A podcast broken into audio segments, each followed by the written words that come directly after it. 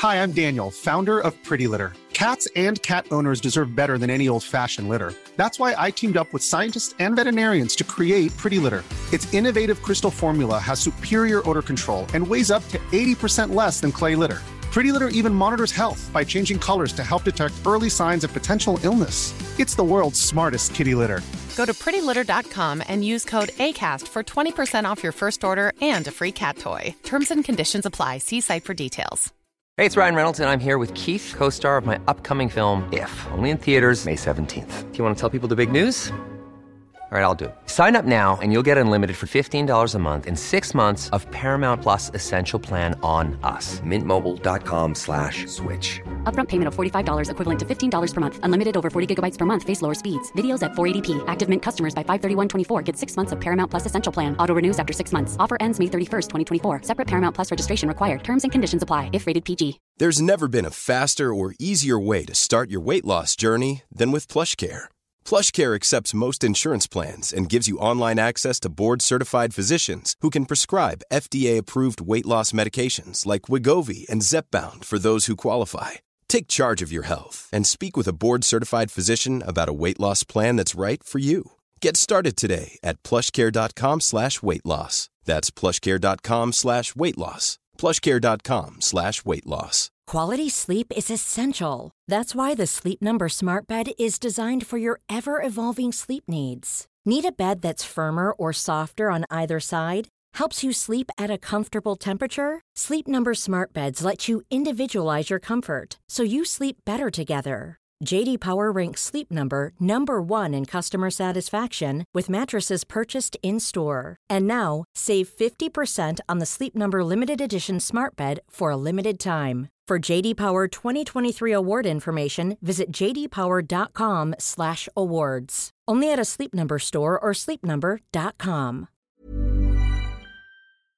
I'm amazed how many people own stocks. They, they would not be able to tell you why they own it. They couldn't say in a minute or less why they own it. Actually, you really press them down, they'd say the reason I own this is the sucker's going up. There's enough cash in the financial system, and there's an infinite amount of cash at the Federal Reserve, an infinite amount Put of cash. Put that check in a money market mutual fund. Then we'll reinvest the earnings into foreign currency accounts with compounding interest, and it's gone. So they had to do something. All they had left was just to print money and start buying things. And that's what they did. Quick buck artists come and go with every bull market, but the steady players make it through the bear market. They say money can't buy happiness. Look at the fucking smile on my face. Hej och välkommen till ett nytt bonusavsnitt av Market Makers. Är det det första bonusavsnittet i historien Fabian? Ja, det är det nog. Och, eh, men det kommer nog inte vara den enda. Eh, för det händer ju någonting speciellt den här veckan, eller hur Niklas? Ja, men precis. Det här är ett förinspelat avsnitt i samarbete ska jag säga med Rare Wine också. Eh, vi ska återkomma till det. Men det är ett förinspelat avsnitt helt enkelt för att jag antagligen är väg på BB eller någonting i den stilen eh, när det här släpps. Så att vi har gjort ett litet avsnitt. För att grejen var så här, annars vi kan inte göra ett ordinarie avsnitt av, om, på grund av omständigheterna. Då är det så fint att Rare Wine Invest som har sponsrat ett tidigare avsnitt också, de var dels tyckte att det var jäkligt kul att jobba med oss. Vi tyckte det var kul att jobba med dem. Vi gillar produkten. Jag är till och med kund hos Rare Wine. Så snackade vi ihop oss med dem och de har då varit schyssta och gått in och eh, ja, står bakom helt enkelt det här av bonusavsnittet till er som vi då kunnat förinspela. Så det är tack vare dem som ni får ett avsnitt den här veckan. Annars hade det varit tyst i lurarna och det är ingen som trivs med tystnaden. Då får man alldeles för mycket existentiell ångest. Visst är det så? Så är det absolut. så det är ett avsnitt av Rare Wine och egentligen det som jag har gjort, det är lite speciellt där också. Det är ett reportageavsnitt kan jag säga. Lite flygande reporter har agerat och, och ner till Danmark, Ålborg för att vara exakt, och besökt dels Rare Wines kontor, eh, pratat med grundaren, pratat med deras vindetektiv som håller koll på äktheten i flaskorna och sådär.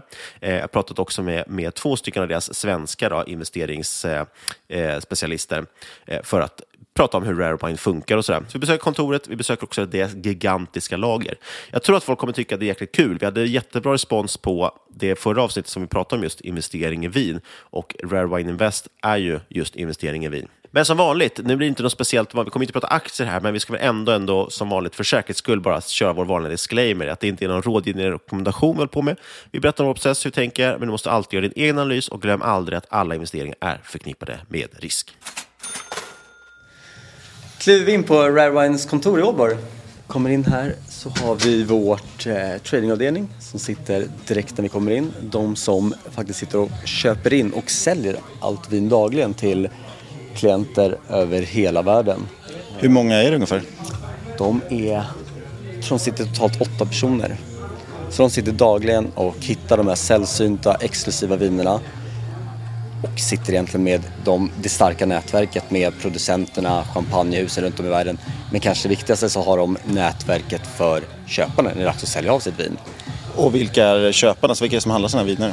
Vilka säljer de till? Ja, men mycket, mycket konsumenter, om man tittar på Asien, Kina, folk som vill att betala 35-40 000 för en flaska vin och dricka en tisdagkväll. Eh, mycket restauranger runt om i världen som har fantastiska vinkällare, vinlistor. Så det är väl framförallt konsumenter och restauranger skulle jag vilja säga. Sen har vi finansavdelningen som eh, ser till att transaktionerna går på rätt sätt. Ehm, som är en jäkligt viktig del hos oss. Sitter här. De har, Vad är, vad är det för volymer? Hur mycket omsätter det bolaget egentligen? eh, den, nu i år, nu har inte senaste årsredovisningen släppts men jag har för mig att vi landar på 940 miljoner kronor eh, för 2020-2021, första halvåret. Då. Vi hade brytpunkt i juni. Så att, eh, vi hade hoppats på några miljarden men det får vi göra nu kommande år. Och vilka länder pratar vi om? Jag såg på någon, det sitter någon dashboard här med alla, sälj, alltså alla team som är ute och säljer. Vilka länder är ni? Eh, idag så har vi kontor här i Ålborg vart vi är idag. Vi har kontor i Stockholm. Eh, vi har öppna kontor nu i Milano och Amsterdam. Och så har vi ytterligare två länder som vi kommer gå ut med här inom kort som vi öppnar upp. Så att, eh, och det är rena egentligen investdelen som sitter här. Alla, eh, vad ska jag säga, alla centrala avdelningar sitter här i Ålborg på huvudkontoret. Här har vi då våra utvecklare som är ett ganska bra gäng som jobbar med vår portal, eh, egentligen med alla våra system som, som vi har hand om. Så de, eh, det går rätt fort. Eh, mycket utveckling som sker framförallt på investeringsportalen där man kan följa sitt vin och värdeutvecklingen. Och även att det ska bli enklare för, för våra investerare, till exempel när det kommer ut ett investeringstips, att ta del av de flaskorna och köpa dem. Just den investeringsportalen ska vi slå ett slag för. Den är ju rätt rolig just att kunna följa utvecklingen och sådär. Det är annars det som eh, saknas kan jag tycka i många alternativa investeringar. Folk gillar ju på börsen att man ser dagliga uppdateringar och så vidare. Eh, här kan man ju faktiskt se också priserna som uppdateras när ni gör försäljningar och priserna uppdateras i, på de vinerna. Precis. Sen, sen så skillnaden på en aktieportfölj så kanske man loggar in 09.00 varje morgon och eh, får en liten adrenalinkick och vad som kommer hända. Vi värderar flaskorna här fyra gånger per år så att man behöver inte logga in dagligen. Däremot, precis som du säger, det är väldigt kul att kunna följa utvecklingen för varje kvartal och efter varje år och från, från första början då såklart. Nu står vi ju i det som i Sverige hade varit ett fikarum, men nu i Danmark, så vad har vi här? Här har vi, istället för kaffemaskin så har vi, jag kan kalla det en vinmaskin kan man nästan säga. Vi har ett par flaskor där istället för att ta eftermiddagskaffet så tycker vi att man jättegärna kan ta ett glas gott bourgognevin eller en god Brunello till exempel. Ja, det är lite ovanligt. Det, känns, det här har man inte sett i Sverige någon gång förut i alla fall. Nej, det, det, det, det känns lite mer danskt också generellt. Eh, och något som fortsätter på temat, vi kommer ju till vinkällaren här också. Mm.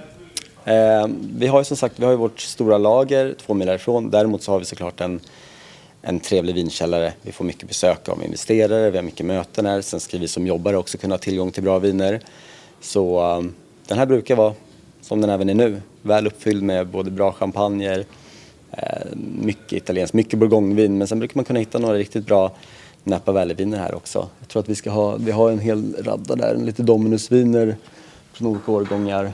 Ehm, Det står ju här till exempel en Romani Conti va? Mm. Som är öppnad 1985. Den eh, fick jag ett, eh, en bild, jag var själv inte på kontoret, det var i fredags. Jag såg att de kollegorna drack den. Eh, så det missar man någonting när man inte var på plats. Den luktar fortfarande gott i alla fall. Ja, precis. Man får njuta av någonting. Men det här är ganska härligt att, att gå runt och kika lite. Eh, har vi, en, vi får ju väldigt mycket besök av svenska investerare som vill komma först och främst se sin portfölj på lagret. Men då brukar vi alltid ta med dem till vårt huvudkontor också. Att antingen ha en lunch eller middag. Så kommer vi in hit så väljer vi någon, någon trevlig flaska som, som eh, vi ska öppna och, och, och dricker. Så att det här är, det är ett härligt rum att, att, att vara i. Det märks ju också när man snackar med folk ute att det är många som är vinintresserade. Även om inte alla egentligen är så liksom, vinnördiga Nej. så känns det som att det är det förenas kring och har grundat sig. Men så är det. Eh, om man tittar på till exempel utvecklarna. De, de är inte anställda för att de är experter på vin och vilka gårdar man ska gå på. Utan de är riktigt duktiga utvecklare. Sen så är det svårt att inte skapa sig ett intresse när man jobbar i den här miljön. Jag såg här finns det någon flaska. Det har ju, halva har ju dunstat bort, men ja. den har vi ändå 1937. Det är 1937. Jag vet att vi ska ha, nu har inte jag varit inne här eh, på ett par veckor. Den här, eh, ja vi har ju den här trevliga Santimion, men den här Tveksam om den är um, fortfarande drickbar från 1959. Den här är nog lite mer för show-off om jag ska vara helt ärlig. Um, men 99% av det som, flaskorna som ligger där inne, det, det är för konsumtion för oss. Um, så vi har en hel del fina Grand Cru-viner. Ehm, vi har en hel del äldre viner, men framförallt så, eftersom vi jobbar mycket med, med unga bourgogneviner ur ett investeringsperspektiv, så är det det som är majoriteten här inne också vi vill ju dricka en hel del av det vi ska tala om och som vi vill analysera och får vi en fråga kring skulle det här vara en bra investering så, så kan vi ofta svara på det. Men får vi en svara hur smakar det så är det inte alltid att vi har de svaren. Då är det ganska fint att faktiskt ha möjligheten och, och, och prova de flaskorna också såklart. Vi pratade ju om det igår också, att det blir lätt, när ni jobbar med vin så, så frågar folk om tips, vad man ska köpa på systemet. Mm. Men där blir man ju lite kanske, det blir svårt att lämna tips när man jobbar med den här typen av viner. Ja. Man kan ju tipsa om ett eh, 4000 kronors vin kanske. Ja, och det är svårt att hålla sig ödmjuk då och tipsa om, eh, om någon säger ah, men vad ska jag köpa hem till, till middagen i fredag till mig och min man eller mig och min, min fru. Det blir lätt att man blir lite näsan i vädret om man då ska eh, rekommendera något vin för 4, 5, 6 tusen kronor. Så att, där tycker jag att man kan prata med bra mycket bättre människor än vad jag är om jag ska vara helt ärlig. So what we could start with is just uh, if you could like state your name and what you do at Rare Wine. My name is Rasmus Nielsen. I'm the CEO and founder of uh, Rare Wine Group, and uh, I've been in the Rare Wine Group for almost 15 years now. And how did it all start? I worked for, in a grocery store for many years, and uh, in a couple of years, I had the wine department, and I got a little bit interested in, in wines. So I actually ended up buying my first wines at the auction house called Brun Rasmussen in Denmark and it was two bottles of Mouton Rothschild. Uh, 1973 with the Picasso label, and I sold them to a, an American collector, and we ended up earning like 20 euros, 30 euros on these two bottles. But there was a uh, there, there was something that got me started and was uh, it was exciting to see how these wines could mature and all of this historic perspective in, in the wine business. But but you bought those wines as an investment. You wanted to resell it. I wanted to resell them uh, right away, and it was more like a arbitrage uh, deal. With if you can see, some wines are cheaper in the states, some wines are cheaper in Europe can you make them switch places and earn some money? Then it will be interesting. So from the start, it, it was about the trading perspective in in the fine wine business. That was when I was 17, and now we're yeah, I'm 38, so I've been doing this for 21 years. We founded the company in 2006, the, the Rare Wine Group, as a normal wine importer in Denmark for a start. And the first five, six years, it was just normal import, and then on the side I did all of this trading with fine and expensive wines for all of Europe. And then we, we changed in 2013, 2014. We said, okay, now we sell all the shops. Um, and we started in a small warehouse uh, just north of Aalborg. And uh, this is where we all started. We were two guys, and uh, it was the new beginning of uh, rare wine and rare wine as we as we think of it today. And it was really about uh, buying some wines. I remember at the start, we put ads in the paper saying, we buy wine cash. And I was driving around both uh, Denmark, Sweden, Norway, uh, in my car, lots of cash in my pocket and, and dealing. But that was normal back then. Um, and bought lots of sellers, sold them first to other merchants in Denmark, then to merchants in the UK, merchants in Hong Kong, and now we sell to private end, uh, end customers in mainland China. Um, so in the past seven, eight years, we've been growing really, really rapidly, and it's been a fun and uh, crazy journey. So, how, how, does the Rare Wine Group look today? Rare Wine Group is a company where we have three uh, daughter companies uh, in. We have our trading company. That's the most important. That's the motor, the heart of the uh, of the group. It's uh, here we sit uh, nine guys trading wines all day.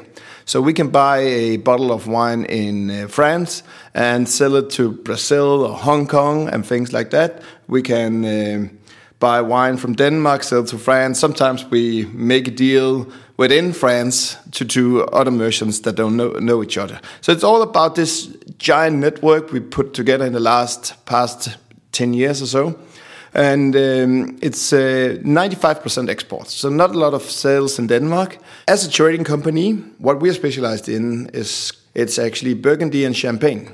And this was a change we did around five, six years ago, where we started to say, okay, everybody's doing Bordeaux wines, but we really want to focus on the champagne, the champagne and Burgundy wines. It's all about the distribution uh, network.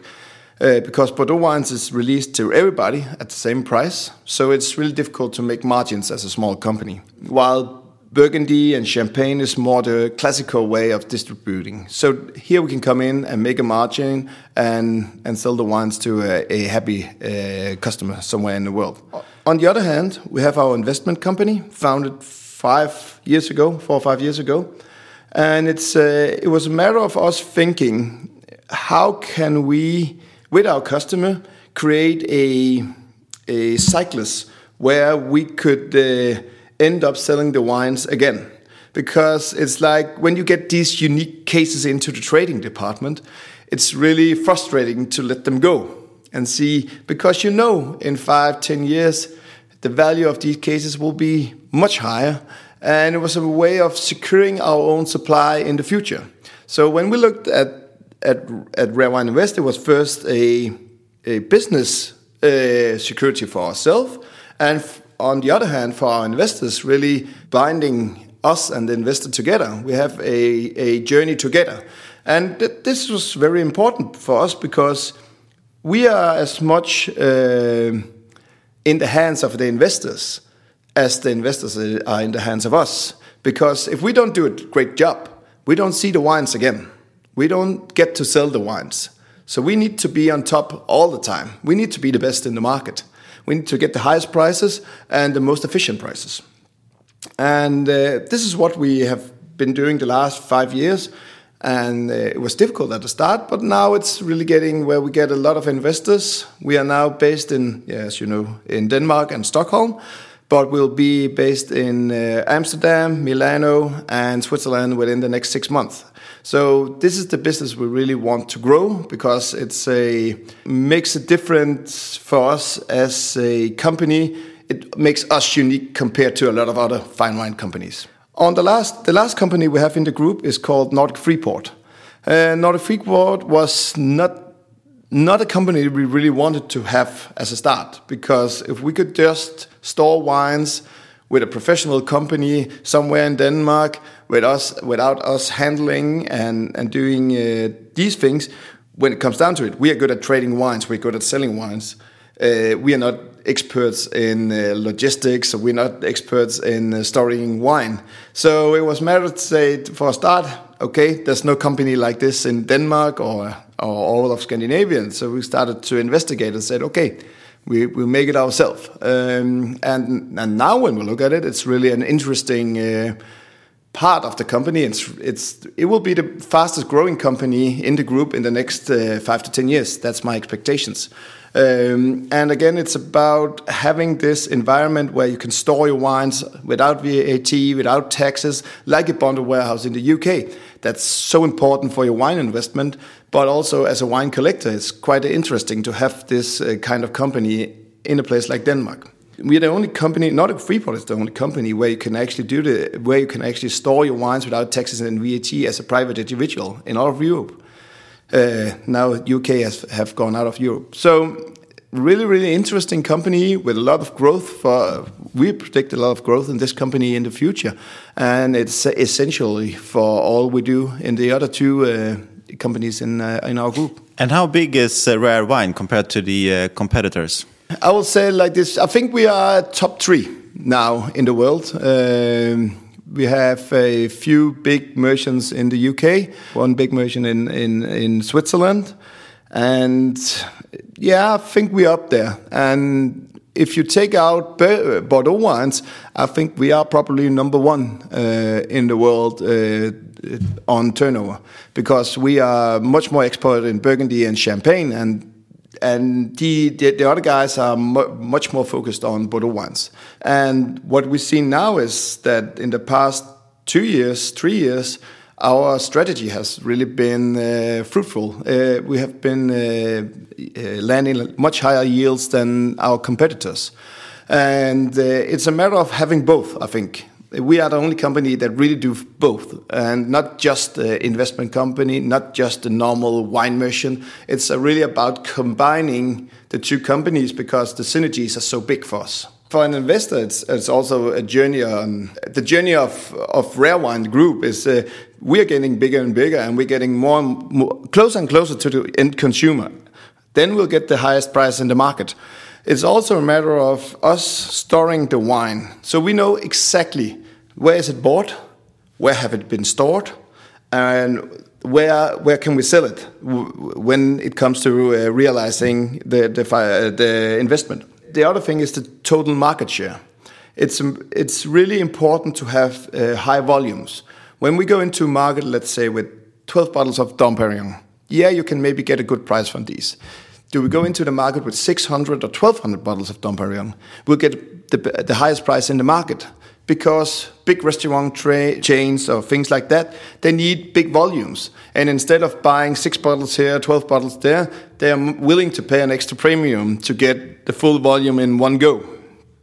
And it's a matter of uh, us as a investor say, okay, you have a small portfolio, but when we combine a lot of these small com- portfolios, we can go into the market with, with very, very good volumes of, of wine and it pushes up the price.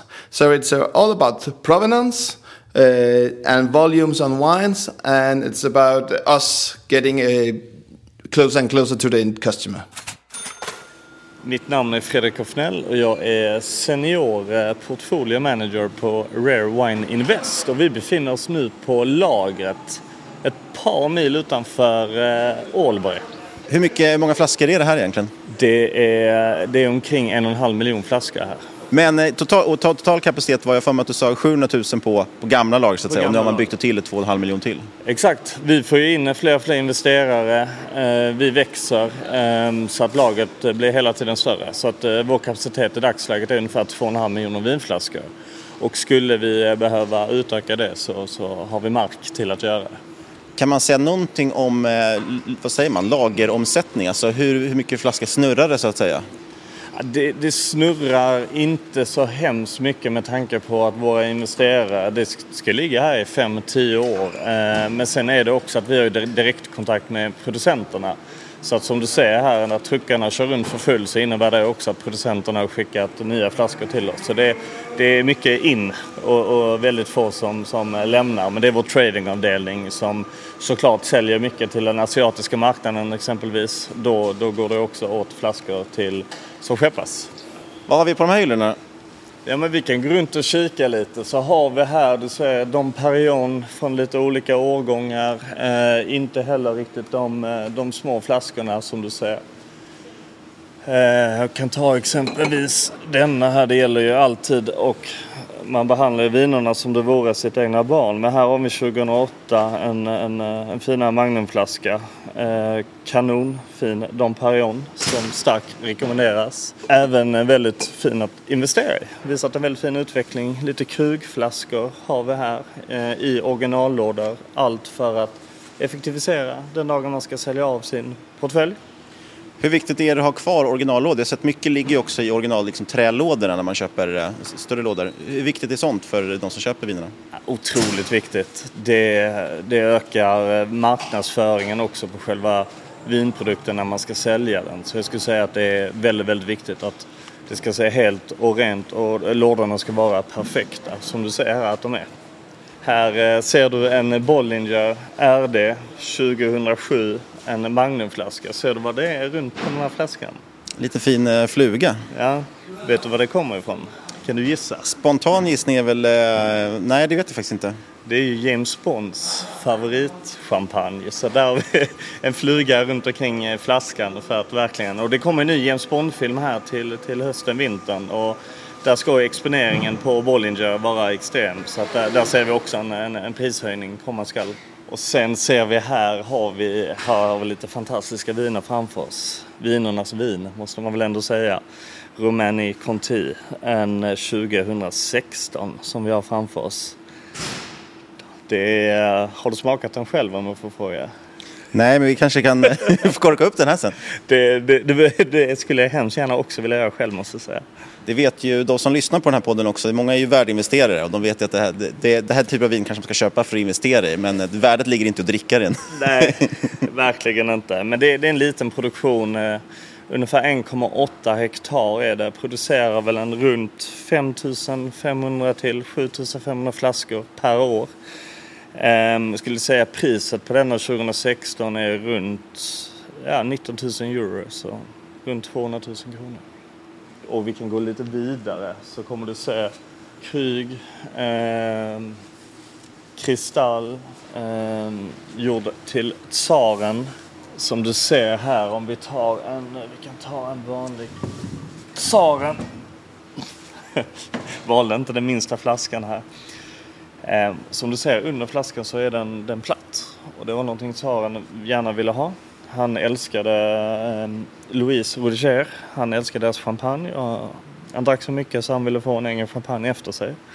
Och då skulle den vara plan. Och det är väldigt ovant när det kommer till champagne. Eh, Annars brukar man kunna få in fingret där och hålla i flaskan. Precis, men på Kristall är det inte det. Och det var för att man, man skulle säkerställa att det inte var en bomb under. Och sen så var det ju också att den är, om man tar en kristallflaska så är den ju ett, ett ljust kristallglas. Eh, Och det var för att man också skulle säkerställa att den inte var förgiftad, champagnen. Och på tal om rommen i Conti så har vi här systervinerna också samlade på en, på en rad. Och du ser Latache också. Jag tror ju att det här, så här många flaskor som är framför oss nu, så många har nog inte någon sett nästan av Romani Conti. Nej, det är makalöst. Så att det här är en samling. Det är en, två, tre, fyra, vad är det? Åtta lådor fyllda med Romani Conti-flaskor. Det man också kan eh, investera i, vi, vi jobbar ju också med, med whisky exempelvis. Så vi kommer lite till en whiskyhörna här som du ser. Så att det finns lite Macallan här också på tal om James Bond. Det är ju hans favoritwhisky. Eh, finns ju och Yamazaki också. Ja, med whiskyinvesteringar ser vi också som eh, någonting. Vi märker framförallt att eh, svenskar har ju ett generellt stort intresse för whisky och att ett, och har man ett intresse så vill man gärna investera i det. Så vi, vi går också ut med investeringstips på just whisky som vi verkligen rekommenderar. Eh, och då har vi skannat av marknaden ordentligt och de, alla whisky vi, vi faktiskt rekommenderar. Vi hade en Lafroy ute nu. Då tror vi stenhårt på det och ser en utvecklingspotential. Men man ska ju välja sina whisky precis som man ska välja sina vin. Det vi är inne på nu är väl tradingavdelningen, eller hur? Ja, just nu befinner vi oss här i tradings eh, verksamhet. Men här är också viner som är tillgängliga för våra investerare. Så detta är en byggnad av, av fyra som alla sitter ihop. Vi kommer strax gå över och se där våra investerare har sina, sina vinflaskor. Ja, för det vart jag förvånad över. Jag var övertygad om att man av inventeringsskäl, liksom att lagerhållsskäl hade Ja men typ, jag vet, vad vet jag, efter gårdar och bokstavsordning och så. Men ni har alltså separata lådor egentligen för varje investeringsportfölj också. Så man kan gå till sin låda. Verkligen, och det är någonting vi verkligen rekommenderar till våra eh, nuvarande investerare. Att verkligen åka hit och se sin portfölj framför sig här i laget. Man håller ett glas vin, eh, kanske eh, ett vin man själv har investerat i och går runt och bara njuter. Nu kliver vi in i en tullfri zon står det här. Ja, just nu står vi under och tar vi ett steg till så är vi inne nu i det tullfria laget. Här är våra investerare, det är här vi lagerhåller deras portföljer. Och det där är ju en stor del av grejen ju. Att, eh, ett problem ju om man ska investera i vin privat det är att man måste köpa det, eh, betala då tull, import och så vidare och det är avgifter och skatter och så vidare. Men här har du ju alltså en tullfri zon så att man så tekniskt sett räknas det ju här som att det i princip inte har kommit in i landet än.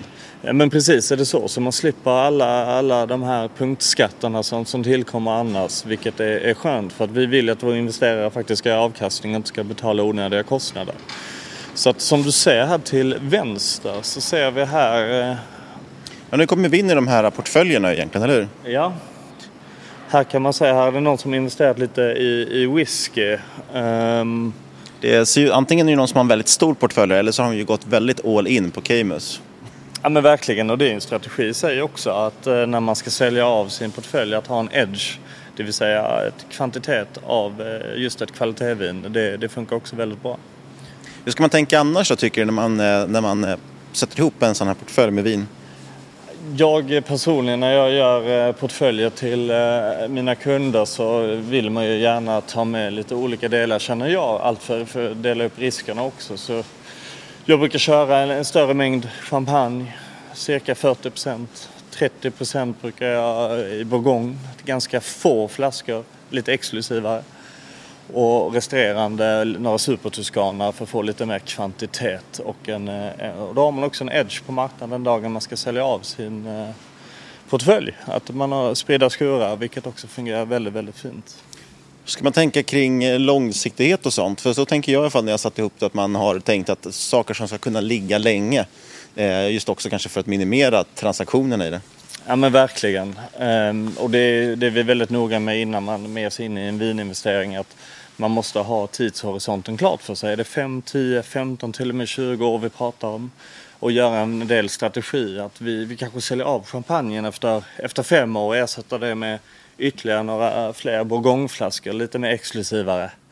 Och så jobbar man med portföljen aktivt. Det är ju lite roligt när man går runt. Det är ju lite som att få vandra runt i folks aktieportföljer. Man kan se hur de har diversifierat olika. En del har, man, har ju gått verkligen all in. De kan ha en hel pall med bara kristall. Och någon annan har blandat portvin och whisky och champagne och allt möjligt i, i så här. Hur mycket, tror du, liksom, hur mycket påverkar personlig smak folks val? Alltså, blandar de in sådana saker att de vill ändå ha viner som de själva kanske tänker att de själva ska dricka så småningom? Jo, men det tycker jag eh, många, många gör och, och vill göra. Och vi, vi är rätt tydliga med att man ska skylla lite på romantiken och det som faktiskt är bäst att investera i.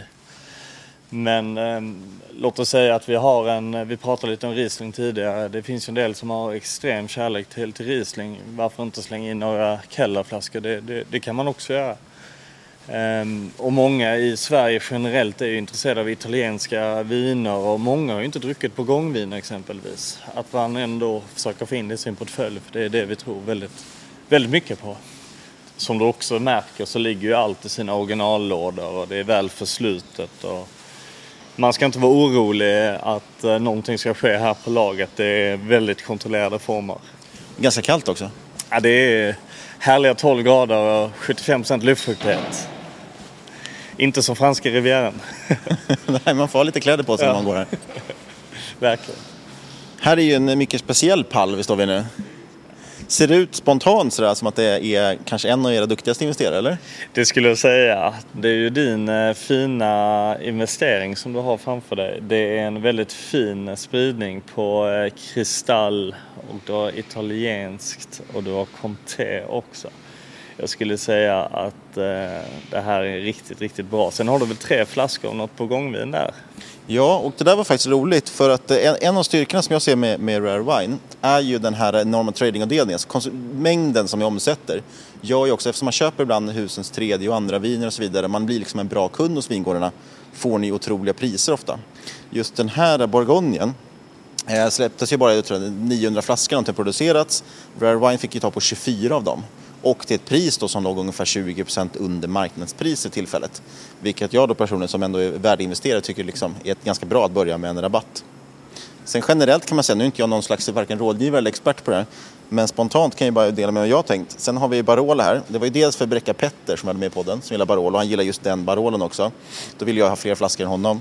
Sen är ju generellt, det är 2016 som är en, en årgång som man säger är väldigt, väldigt långlivad. Eh, så tanken är att de här de kommer ju kunna ligga kanske 20, 30, 40 år om man skulle vilja. Eh, och bara bli bättre och bättre i princip.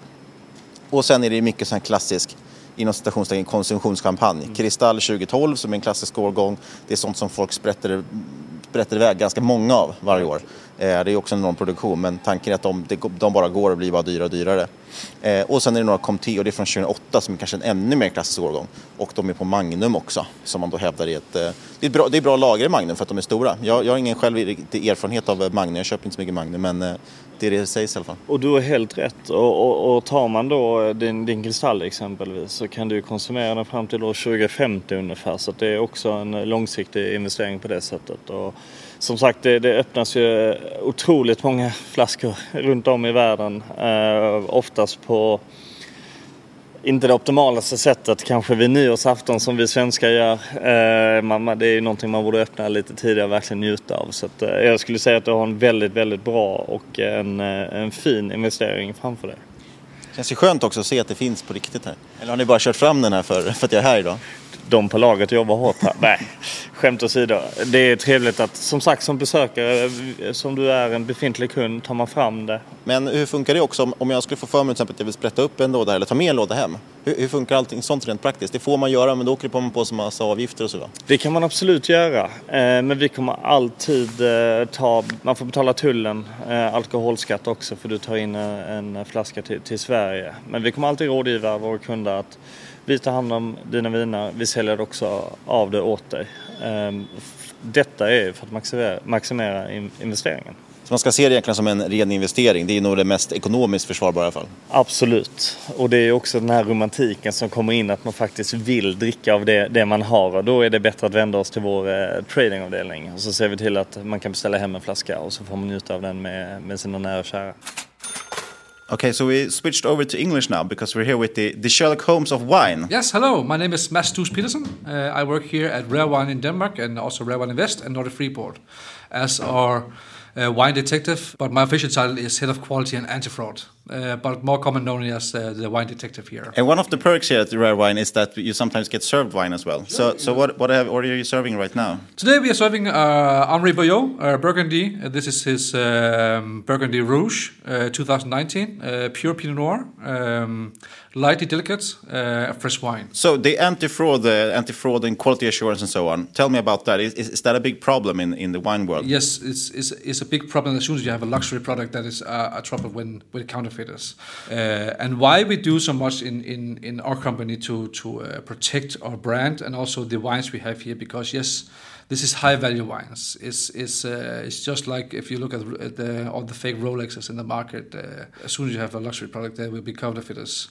But uh, wine is uh, uh, some say it's a new new new deal, but it's actually the wine counterfeiting has been uh, going on for for more than hundred years actually, all the way back to the Roman times. some wines are unfortunately very easy to to counterfeit. So that's why when we study the wine of or study the the the science of counterfeit and, and all these uh, subjects into it. Uh, I also do study on, on paper quality and uh, ink uh, interpretation in papers and uh, how say the, the pigmentation, the colors of the the color, uh, the, the, the ink used here, and, and also how the production method is used. We even know the history of glue here in the company because uh, there was different kinds of glue used uh, in different times in the history, and also glass bottles and paper, and also ink types, and how the production method has evolved through the years.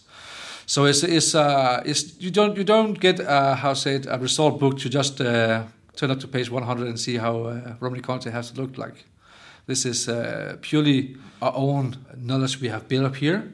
Uh, of course, we have some some um, colleagues around the world we uh, we do this networking with, and also this um, this information sharing in a in a close circle here, so it doesn't get around all, all, all around the world. How big is the community around? How many wine detectors are there around the world? We are not we are not that many. Uh, I believe I am the only official here in Denmark actually, but uh, I believe we are about 20 people around the world, something like that, that can do that, that has this this this this knowledge or do this job uh, professionally. And you said that some wines are very easy to fake. Wineries around the world are, are getting more knowledge about that the wines are being counterfeited, so they protect the wines, uh, and there can be all sorts of technology used, uh, chips. Uh, proof tags, uh, traceable ink, uh, invisible ink, micro writing, a special form of printing patterns, and so on. Uh, but back in the days, um, the the wineries were just uh, basic farmers. So when they, they, they, just needed to know the, the vintage and what wine was in the in the bottle.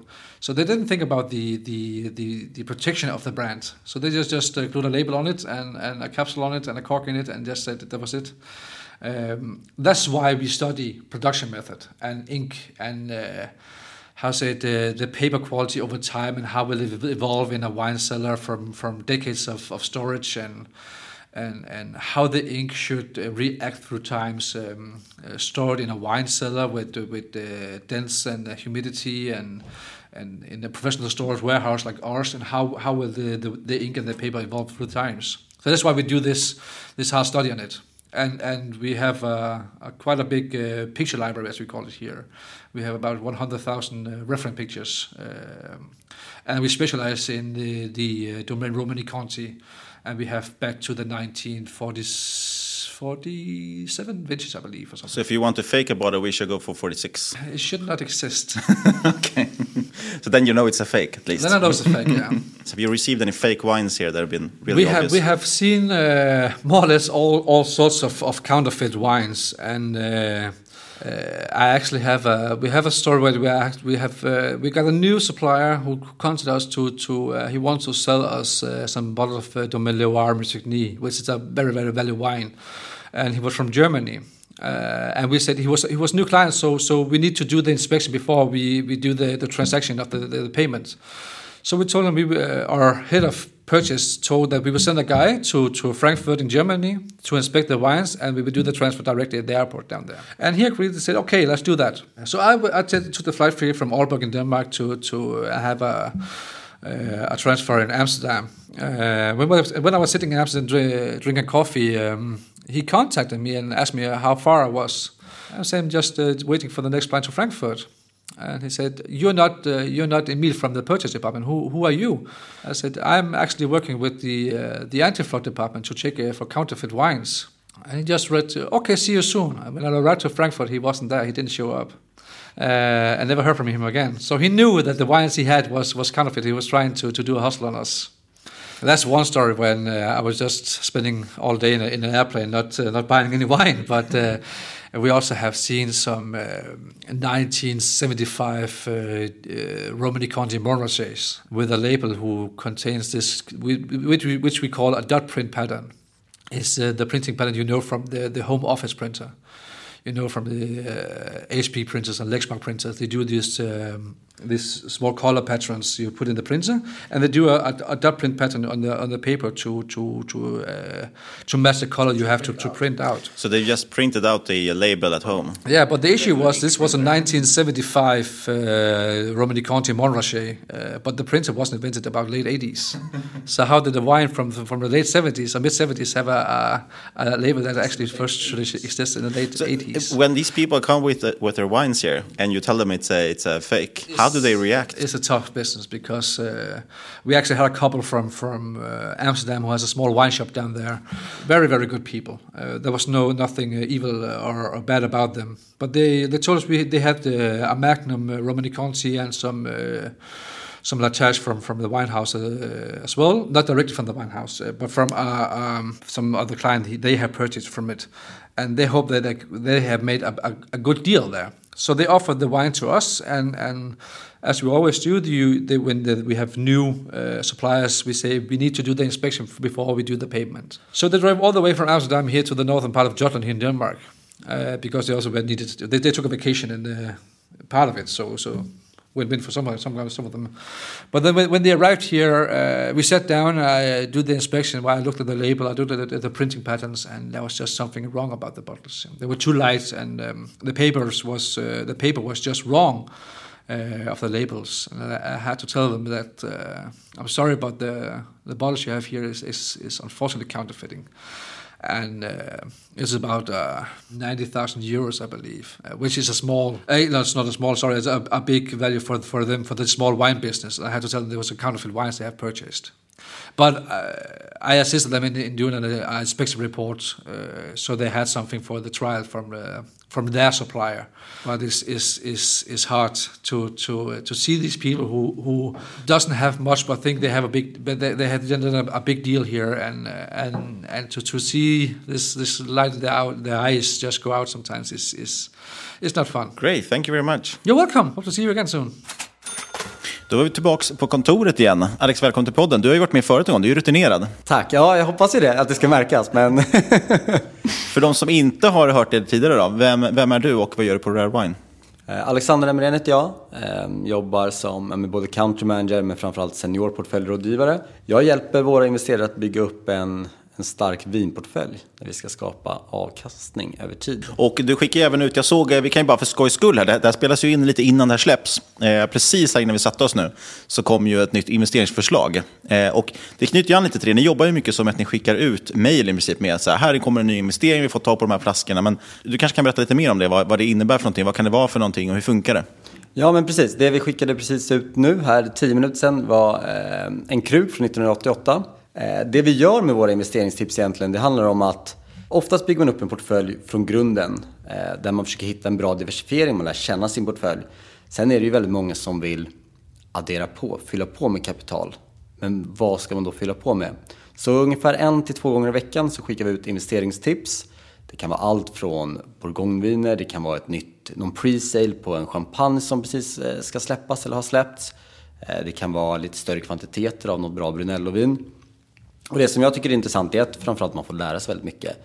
Det är ganska mycket historieberättande om allt från producenten till släktskapet. Eh, men framförallt kanske det vi analyserat varför det här är en bra investering. Vad vi ser framöver gällande avkastningen. Ja, för det är det som är roligt Ja. De är roliga att läsa oavsett om man köper vinet eller inte. Bara för att lära sig om det. Men, men hur funkar det? För man kan ju fortfarande också bara ringa er och säga att men du, jag skulle jättegärna vilja ha Kristall 2012, liksom. och så kan ni, då kan ni lösa de flaskorna också. Men det här är ju när det är speciella egentligen typer av investeringar som dyker upp, eller hur? Ja, precis. De här sticker ut lite. Det kan vara att vi har fått in eh, fyra lådor av någonting, eller sex lådor av någonting. Lite mer kanske unikt. Eh, vi sitter ju på bra mycket mer vin än det som vi skickar ut som investeringstips såklart. Eh, men det finns oftast en, en orsak till att vi just skickar ut de här. Det kan vara något speciellt. Vi kanske har fått tag på just de här lådorna till vad vi anser är ett alldeles för lågt pris där vi tycker att ja, men det här är ett, en kanonmöjlighet egentligen att investera, då kan det vara ett investeringstips. Om vi backar lite till det praktiska, hur funkar det egentligen då? Vad är det man behöver tänka på? När, för det första, hur blir man kund av Rare Wine? Då, då kontaktar man dig till exempel, eller man svarar kanske på någon av de här investeringstipsen, för de kan man ju prenumerera på även fast man inte är kund, eller hur? Det stämmer. Precis som du säger, antingen så, så följer man bara för att man vill lära sig lite mer om vinvärlden, vilket vi tycker är jättekul om man vill. Eh, följer våra investeringstips. Alternativt att man kanske har hört oss hos Market Makers eller sett oss någon annanstans. Så kontakta man antingen mig eller någon av mina duktiga kollegor eh, bokar ett möte. Jag tycker det är jätteviktigt att, lite som du och jag sitter just nu, man sitter ner tillsammans. Jag får eh, så mycket information som möjligt gällande just dina förutsättningar. Och med förutsättningar, då tänker jag närmast på men vad har man för, vad har man för tidshorisont på en investering? Vad har man för tilltänkt kapital? Eh, hur aktiv vill man vara? Vad vill man ha för strategi? Det är positivt om vi kan ha en så transparent dialog som möjligt. För det innebär att jag får bättre förutsättningar att bygga en stark portfölj. Så vi sitter egentligen och har en, en diskussion, lär känna varandra också ganska mycket som, som personer, vilket alltid är trevligt. Där vi i slutändan kommer överens om att ska vi bygga ihop ett förslag tillsammans. Några vill vara med och säga sitt att ja, men jag vill verkligen ha med de här flaskorna. Men i de flesta fallen så lämnar de över ansvaret till mig. Och då förhoppningsvis har jag fått all den information som jag behöver för att ta fram ett förslag. Och därefter går vi igenom förslaget. Jag berättar min analys, varför jag har valt de här flaskorna. När i tiden kan det vara ett bra tillfälle att sälja av dem. Eh, är det, säger du att du har en tidshorisont på säg 10 år så kanske vi även tar in lite viner som vi bör sälja av efter 5 år. Och då är det upp till dig om du vill plocka hem avkastningen eller återinvestera kapitalet. Och en fördel med att gå till er och sitta och, och snacka om det här istället för att gå till bank, bankrådgivare när man pratar fonder, det är att man kan få ett glas vin samtidigt. Det får ju ses som en fördel också. Det är en fin förmån. Det tycker jag man ska kräva när man har ett möte med oss. Jag tycker man kan kräva det av banken också. Men... Eh, vi kan gå in på lite mer praktiska. Jag, jag minns inte hur, hur liksom ner vi var på detaljer sist. Men för det jag har fått mycket frågor om efter vi hade med i förra avsnittet, eh, i och med att jag också är kund hos er nu, så, så liksom vet ju jag också lite grann hur det funkar. Så många skriver till mig och frågar. Eh, och då är det bättre att höra från, från hästens mun, som det så fint heter.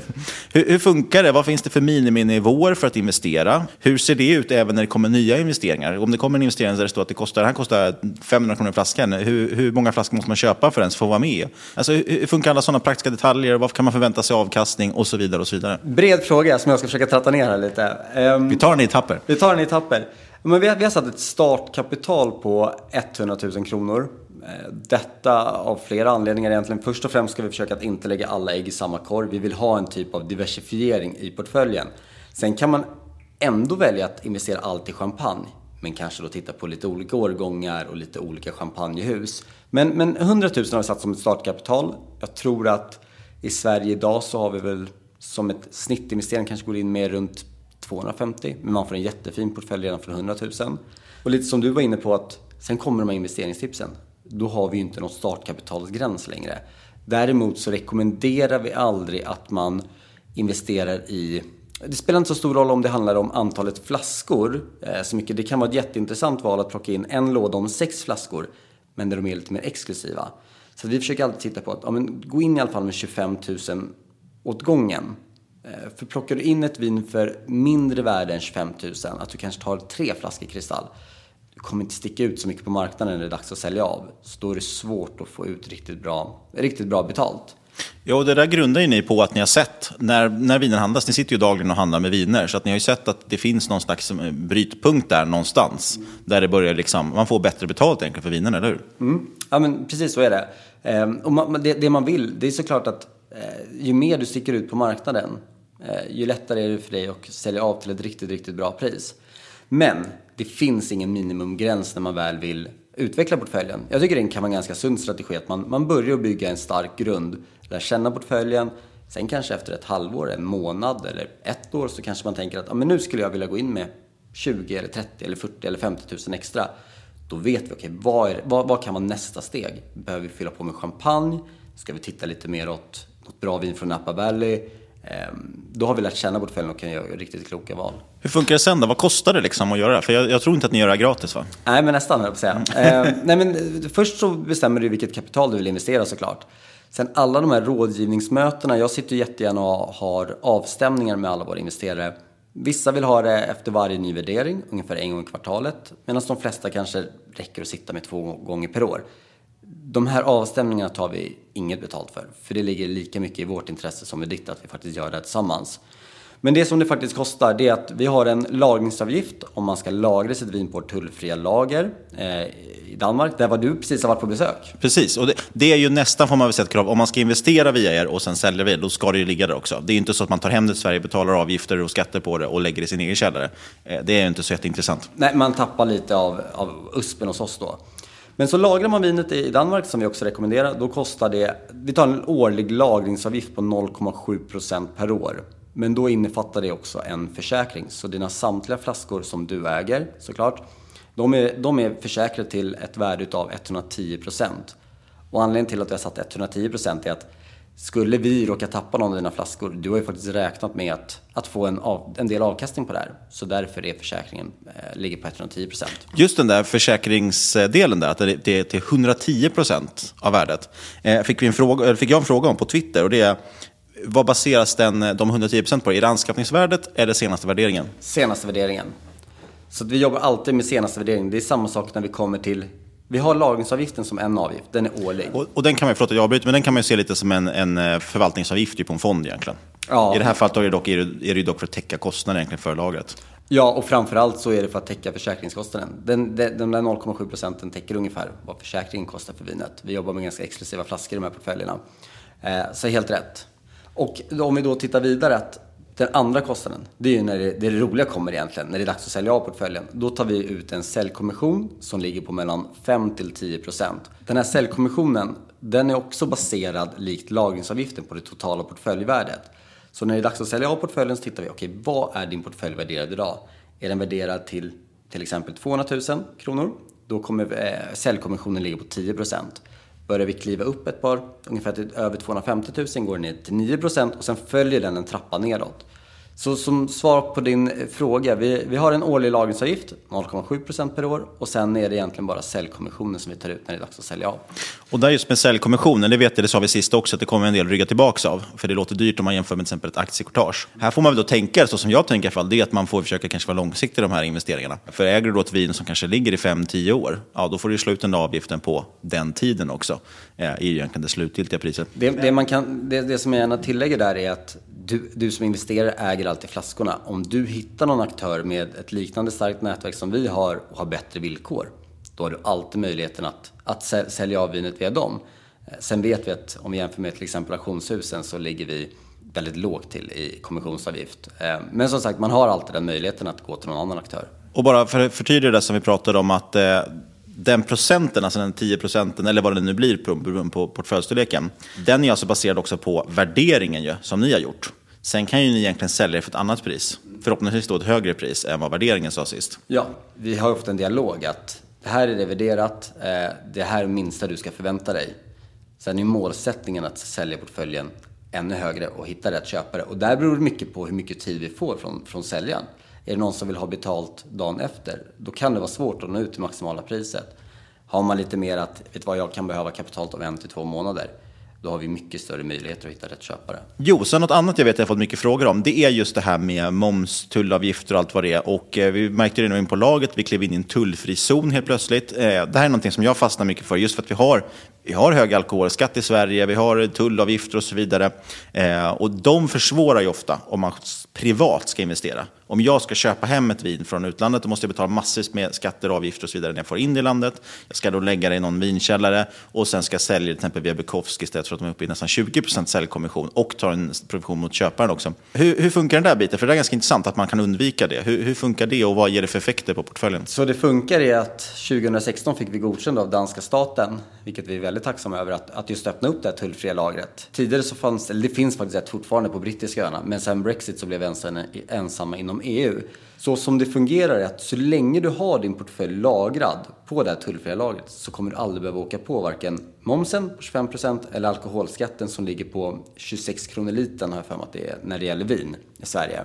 Däremot om du vill plocka hem din portfölj, antingen för att konsumera och kanske avnjuta någon god champagne, då åker du på momsen och, och alkoholskatten såklart. Eh, samma sak gäller om du vill plocka hem det och sälja det till exempel, om vi nu pratar om Bukowskis, via Bukowskis, då åker du på momsen och avgifterna såklart. Men så länge vi behåller vinet på lagret och vi säljer det direkt från lagret så behöver du aldrig stå för några momskostnader eller skatter. Vilka är det som köper de här vinerna sen då? Om jag ringer dig imorgon och ska sälja någonting, vem är det som köper dem? Eh, de vi försöker, det, det, vi ser är att de som kanske betalar mest pengar för en viss typ av flaska vin eh, idag, det är, det är egentligen konsumenter. Sådana som faktiskt vill konsumera väldigt exklusiva flaskor vin. Vi ser en jätteökning från Asien, Kina, eh, även en del från, från Ryssland, Brasilien också till viss del. Eh, de berömda BRIC-länderna, vi ser en stor ökning där. Men sen förutom konsumenter kan det vara till viss del samlare, men det är ändå en ganska liten De är ute efter viner som kanske nästan börjar passera drickfönstret och mer har det som samlarobjekt och där får man sällan ut maximalt betalt. Så eh, konsumenter, mycket restauranger runt om från hela världen som har fantastiska vinlistor som är ute efter att två, tre specifika årgångar från en Romani Conti eller en Petriflaska. Men vi försöker som sagt hitta konsumenterna. För om du har de pengarna att du kan öppna upp en flaska vin för 50-60 000 en onsdag kväll då tror inte jag att det spelar så jättestor roll för dem när den kostar 50 000 eller 55 000. Så då kan vi också få ut maximalt betalt. Och, och, och här tänker jag väl att en av styrkorna ligger just det nätverk ni har också av, eh, av köpare, både restauranger och konsumenter. Hur, hur, stora är liksom Rare Wine jämfört med, med konkurrensen? Eh, det finns ett bolag i USA som, som jobbar ganska på liknande sätt som vi gör. De är fortfarande snäppet större än oss. Jag skulle säga, jag vågar inte ta på det, men jag tror att vi är bland de största i, Europa. Vi har ett liknande även, de jobbar lite mer, de jobbar lite mer kanske traditionellt, jobbar inte lika eh, digitalt kanske som vi gör även på, på, i Storbritannien som är väldigt duktiga. Men som sagt, vi, har en, vi växer. Eh, vi märker att det är fler och fler länder som är intresserade av att investera i vin. Vi ser en jättestor ökning i intresse i Sverige bara det här senaste året. Där för oss handlar det väldigt mycket om att nå ut med kompetens och kunskap framförallt att man kan investera i vin, för det är inte alla svenskar som vet det idag. Och varför man ska investera i vin och hur man investerar i vin. Varför ska man investera i vin då? Vad är det som är attraktivt med, med tillgången? I men det som jag tycker är häftigt med vin, det är att vin har en konstant produktion. Här kan man inte bara bestämma sig att vi ska utöka produktionen, skapa, tillverka fler flaskor och behålla samma kvalitet. Vi ser en väldigt stor ökad efterfrågan, framförallt på, ja, men generellt egentligen med exklusiva varor som klockor, konst, Eh, där vin är en stor del. Så efterfrågan på just framförallt bourgogneviner och champagne ser vi ökar väldigt mycket. Med klimatförändringarna som sker runt om i världen nu också så är det lite osäkert hur, hur vinproduktionen kommer se ut framöver. Så att eh, just den här konstanta produktionen, eh, man jobbar oftast, vi jobbar mycket med producenter som har en ganska liten produktion men en hög efterfrågan och likt alla andra typer av investeringar så handlar det mycket om tillgång och efterfrågan. Vin är en väldigt vad ska jag kalla det? Det är lite farligt att prata om säkra investeringar, men det man kan säga med vin är att det räknas som en lågriskinvestering för att det är så krisresistent. Blir det en finansiell kris så drabbar inte det vinet speciellt mycket. Är det så att eh, en kris kommer i form av ett riktigt jobbigt klimat för en producent så drabbar det vinromantikerna, medan som investerare så kan det, det här får man knappt nämna, men det kan till och med vara positivt att det tillverkas mindre vin årgången efter. Så att eh, det finns många intressanta faktorer. Ja, och i slutändan allt handlar ju om tillgång och efterfrågan, allting du ska investera i. Eh, och det är därför tycker jag det är ganska intressant som du säger också att tillgången är ju, är ju begränsad och den minskar ju dessutom hela tiden. För har du köpt en viss årgång, ja, för varje år som går så är det någon till som har druckits upp. Så det blir färre och färre kvar. Och efterfrågan, den är ju svår att säga om. Men historiskt nu senaste åren fall så har det definitivt ökat. Och framförallt intresset för extra dyra viner också. Vad, vad, kan man titta på? För jag förstår att man inte kan prata kanske om förväntad avkastning, men vi kan prata om historisk avkastning i alla fall. Med den stora brasklappen då att det aldrig är någon garanti för framtiden, som det så fint heter. Men vad är, har det varit en historisk avkastning på vin? Eh, fast jag, jag, är ganska trygg med att prata om förväntad avkastning, även om, som du nämner, vi garanterar ingenting. Men det, om man tittar tillbaka i tiden och vad vi ser idag och vad vi analyserar framöver så vi brukar vara ganska raka med att säga att jag tycker att man ändå kan förvänta sig någon typ av genomsnittlig årlig avkastning på mellan 8 till 10 procent per år. Och då kanske också man behöver ta, tänka på att då får man nog ha en tidshorisont som kanske är längre än ett år. Då får man nog börja tänka på de här 5 till 10 åren. Då tycker jag att man kan känna sig trygg att det här är någonting vi ska jobba efter. Sen är målsättningen såklart att nå ännu högre. Men om man ska ha någon typ av förväntan så, så tycker jag att det är rimligt. Och jag menar, vi sitter med våra av, avstämningar med våra klienter. Märker vi att det är någonting som vi kanske analyserat lite fel, då behöver vi sätta oss och göra någonting åt saken. Så att det, det, är därför det här samarbetet blir otroligt viktigt. Och att man jobbar med portföljen, även om det inte är aktivt säljande och köpande, så följer man upp hela tiden när det kommer in nya värderingar. Och vem, vilken typ av portfölj, nu förstår jag att vi inte kan prata om det som i form av finansiell rådgivning, men generellt vilken typ av portfölj kanske vin passar in i och vilken typ av investerare liksom är det som köper det här? Ja, eh, alltså en typisk investerare, skulle kunna mycket väl vara eh, du, det skulle kunna vara Anna-Karin, 40 år, det skulle kunna vara en uh, ung student som vill se ett långsiktigt sparande. Det kan vara någon som är en vinfantast som tycker, brinner för vin. Men så att vi ser väl att det är till för alla. Eh, men, men framförallt så tycker jag att det, det blir extra... Om man har en strategi där man har en långsiktig tids, eh, tidshorisont, eh, när man ser en långsiktig investering, där man är ute efter en stabil avkastning. Det ska inte gå upp och ner så mycket. Utan en stabil avkastning över tid till en låg risk, då är vin väldigt intressant. Eh, jag kan tycka att eh, vi brukar säga att vin är en rätt tråkig investering men en väldigt sexig produkt. Eh, jobbar man, investerar man mycket på börsen så kanske man går in varje morgon och tittar vad händer här? Eh, hur ser det ut idag? Hur, hur öppnar börsen? Eh, gör man det med sin vinportfölj så kommer man ha två och en halv, tre ganska tråkiga månader för det kommer inte hända någonting. Men, men det är en sexig produkt eh, som, som tanken med det här, det är klart att vissa viner sticker upp i pris på kort varsel också. Men vi tycker att man ska ha utgångstänket att det är en stabil eh, avkastning man är ute efter över tid. Och då var vi hemma i Sverige och tillbaks i poddstudion. Inget hört den här podcasten ska ses som rådgivning. Alla åsikter var egna LVS och eventuella sponsorer tar inget ansvar för det som sägs i podden. Tänk på att alla investeringar är förknippade med risk och sker under eget ansvar. Och vi vill rikta ett stort, stort tack till Rare Wine Invest som gjort avsnittet möjligt. Vill man veta mer om dem, då går man in på rarewineinvest.se. Vi har förstås en länk till det i avsnittsbeskrivningen. Och där kan man, eh, oavsett vad, liksom, man behöver inte direkt automatiskt bli kund, men däremot så kan man registrera sig för deras nyhetsbrev. Då får man de här investeringsbreven skickade till sig som är jäkligt kul att läsa, även om man bara är lite intresserad av vin. Dessutom kör de faktiskt löpande så här kostnadsfria webbinarier och sådana saker, om man vill veta mer. Om inte annat, bara skicka ett mejl till antingen mig om du vill veta mer om dem, jag är kund själv som sagt, eller så skickar du ett mejl till någon av deras eh, specialister där, så kan de berätta vidare hur allting funkar helt praktiskt. Jätte, jättestort tack till dem för att de sponsrar bonusavsnittet. Vi är tillbaka igen nästa vecka med ett vanligt avsnitt. Ja, vill ni kontakta oss och skicka gratulationer till Niklas så kan ni göra det på podcast at marketmakers.se eller på Twitter at marketmakerspod. Och vill ni höra av er till mig och eh, skicka mig lite gåva så kan ni swisha på 070 och in, innan ni gör det får ni dock lämna en recension på iTunes. Och sen sist men absolut inte minst, stort, stort tack för att du har lyssnat. Vi hörs igen med ett ordinarie avsnitt som sagt om en vecka.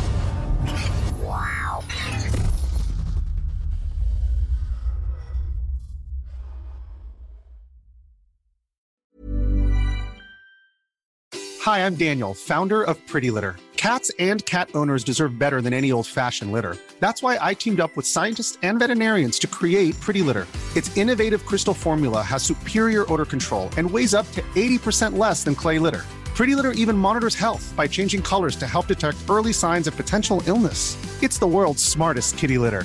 Go to prettylitter.com and use code ACAST for 20% off your first order and a free cat toy. Terms and conditions apply. See site for details.